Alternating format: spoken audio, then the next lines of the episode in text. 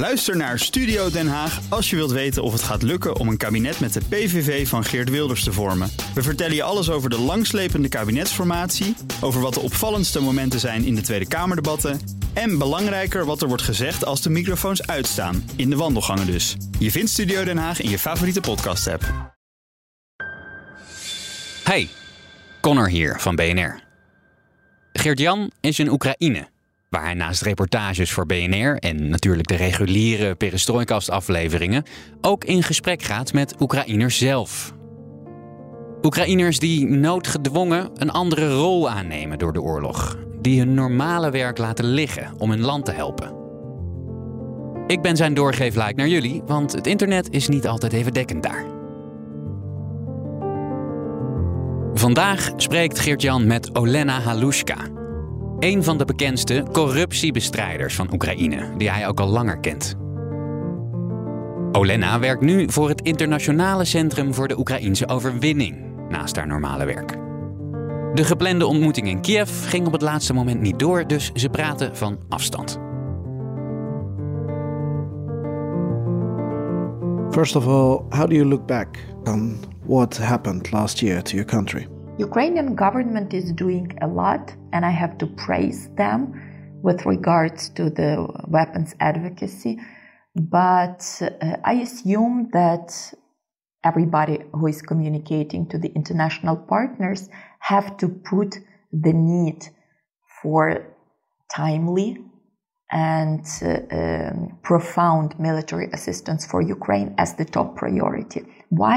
Everything is very simple if Ukraine does not win on the battlefield, all the democracy related anti corruption uh, issues and uh, all of the reforms uh, which we were building and which we plan to build, they wouldn't make any sense because we won't have country to be implementing those reforms.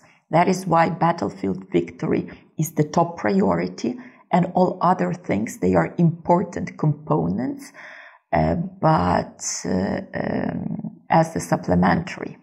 So it's 24th of February, exactly one year after the full scale invasion in Ukraine by Russia. Are you surprised by the fact that it wasn't just a full scale invasion, but also a failed invasion? No, of course, for me, Russian failure is absolutely not a surprise because I, I know very well um, the bravery and um, motivation of our army. I know very well the resilience of our society. And I know that every Ukrainian understands that living under occupation means death. That is why um, Ukrainians were, are, and will be fighting for our sovereign, independent, and free country. So I can imagine that everyone in Kiev tries to act as normal as they can, but roles have changed professionally, personally.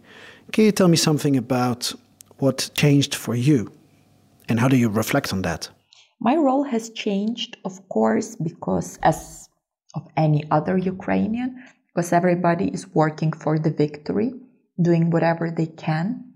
Uh, because I'm a professional in the international advocacy, and before the war, big war uh, I was working a lot with international partners um, advocating for the Ukrainian reforms.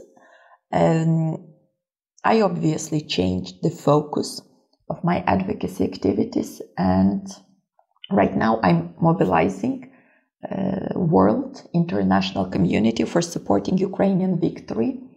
We are working to lobby more military assistance for Ukraine, tougher sanctions against Russia, confiscation of Russian assets and channeling this money for the need of Ukraine's recovery and defense.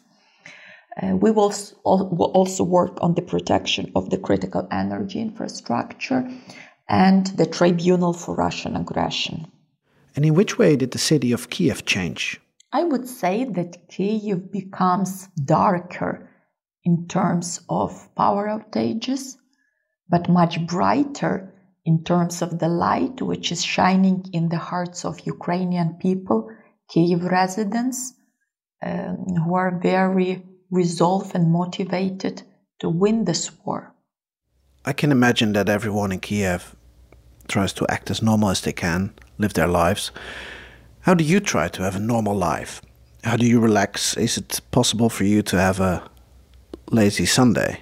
Well, of course, it has been the most complicated, the most hard year of my life uh, because uh, besides the need to be working 24 7 for the Ukrainian victory, doing the things I wouldn't think I would ever have to do, like advocate for modern tanks or modern jets. Uh, but besides that, of course, it is very complicated to know many people who were killed on the battlefield. They were the best fellow Ukrainians.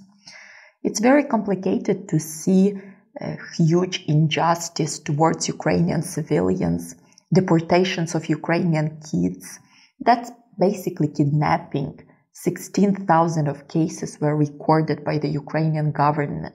It's very painful to see women being raped, uh, homes uh, being destroyed and looted, people killed um, on the bus, bus stations on their way to work.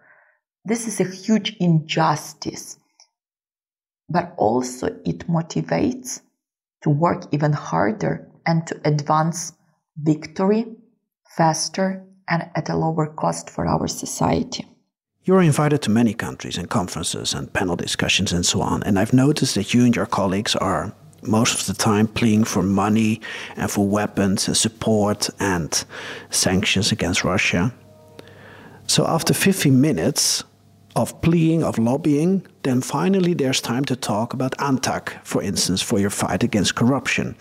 And I'm curious because uh, struggling well, the fight against corruption, that's your territory. That's what you're, not, you're an expert in, to advocate. Um, and the weapon lobby and the, the, the financial lobby regarding the war, why can't it be done by Zelensky's people? Why is that your task as well? Fighting against corruption continues to be an important priority for us, both because this is the demand of Ukrainian society, but also because that's the conditionality of our EU integration which is supported by the 92% of Ukrainians. And uh, people want justice, meaning that business as usual, um, as it had happened uh, before the big war, is obviously absolutely unacceptable anymore.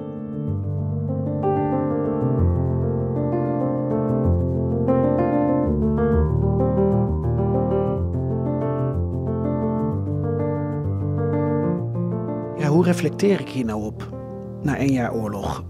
Uh, Olena heb ik dus een keer eerder ontmoet en eh, ze is heel erg goed in wat ze doet. En ze is een geweldige spreekster.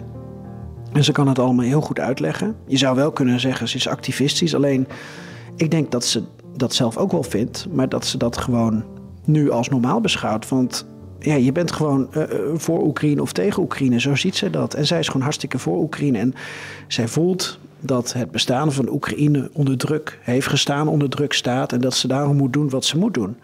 En dat geldt voor meer Oekraïners die ik spreek. En daarom is hun rol ook veranderd. En daarom werken ze 24 uur per dag. En geld dat ze verdienen, dat geven ze dan aan het leger of aan andere mensen die steun nodig hebben.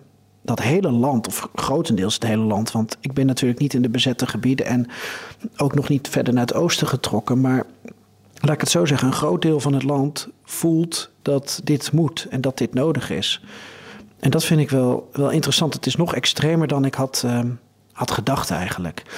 Um, ja, en dan, dan neemt iedereen een beetje dezelfde rol aan. Uh, namelijk uh, het land steunen op welke manier dan ook. En als je dan zoals Olena goed bent in lobbyen... ja, dan pak je dus de belangrijkste lobby aan. Je kan wel corruptie blijven bestrijden. En dat moet ook. Maar als je uiteindelijk geen land meer hebt om die corruptie tegen te gaan, ja, dan is dat gevecht bijvoorbeeld al verloren. En ik denk dat ze dat voelt. En dat vind ik uh, interessant. Ja, en eigenlijk herken ik het ook wel. Ik wist een jaar geleden ook niks van tanks en van straaljagers. En nu praat je een beetje mee. Maar ik vind het interessant hoe zij zich uh, opstelt. Um, en Oekraïne moet winnen, zegt ze. Want uh, anders gaat Rusland door met wat ze al 30 jaar doen. En ik denk dat dat ook wel een juiste gedachte is. Want wie weet wat er anders over vijf jaar gebeurt of over tien jaar als Rusland op een of andere manier toch herstelt van wat er nu allemaal gebeurt.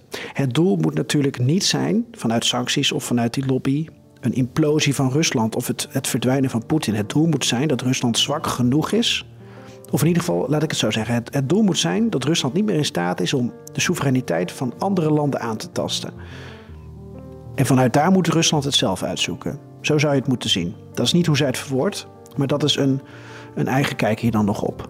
Maar ik vond het wel heel interessant om met um, Olena hierover van gedachten te wisselen.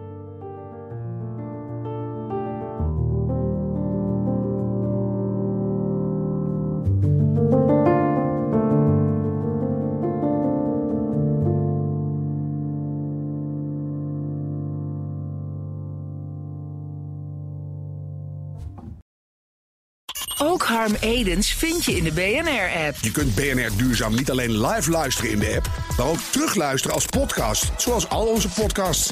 En naast dat de BNR-app Breaking News meldt, houden we je ook op de hoogte van het laatste zakelijke nieuws. Download nu de gratis BNR-app en blijf scherp.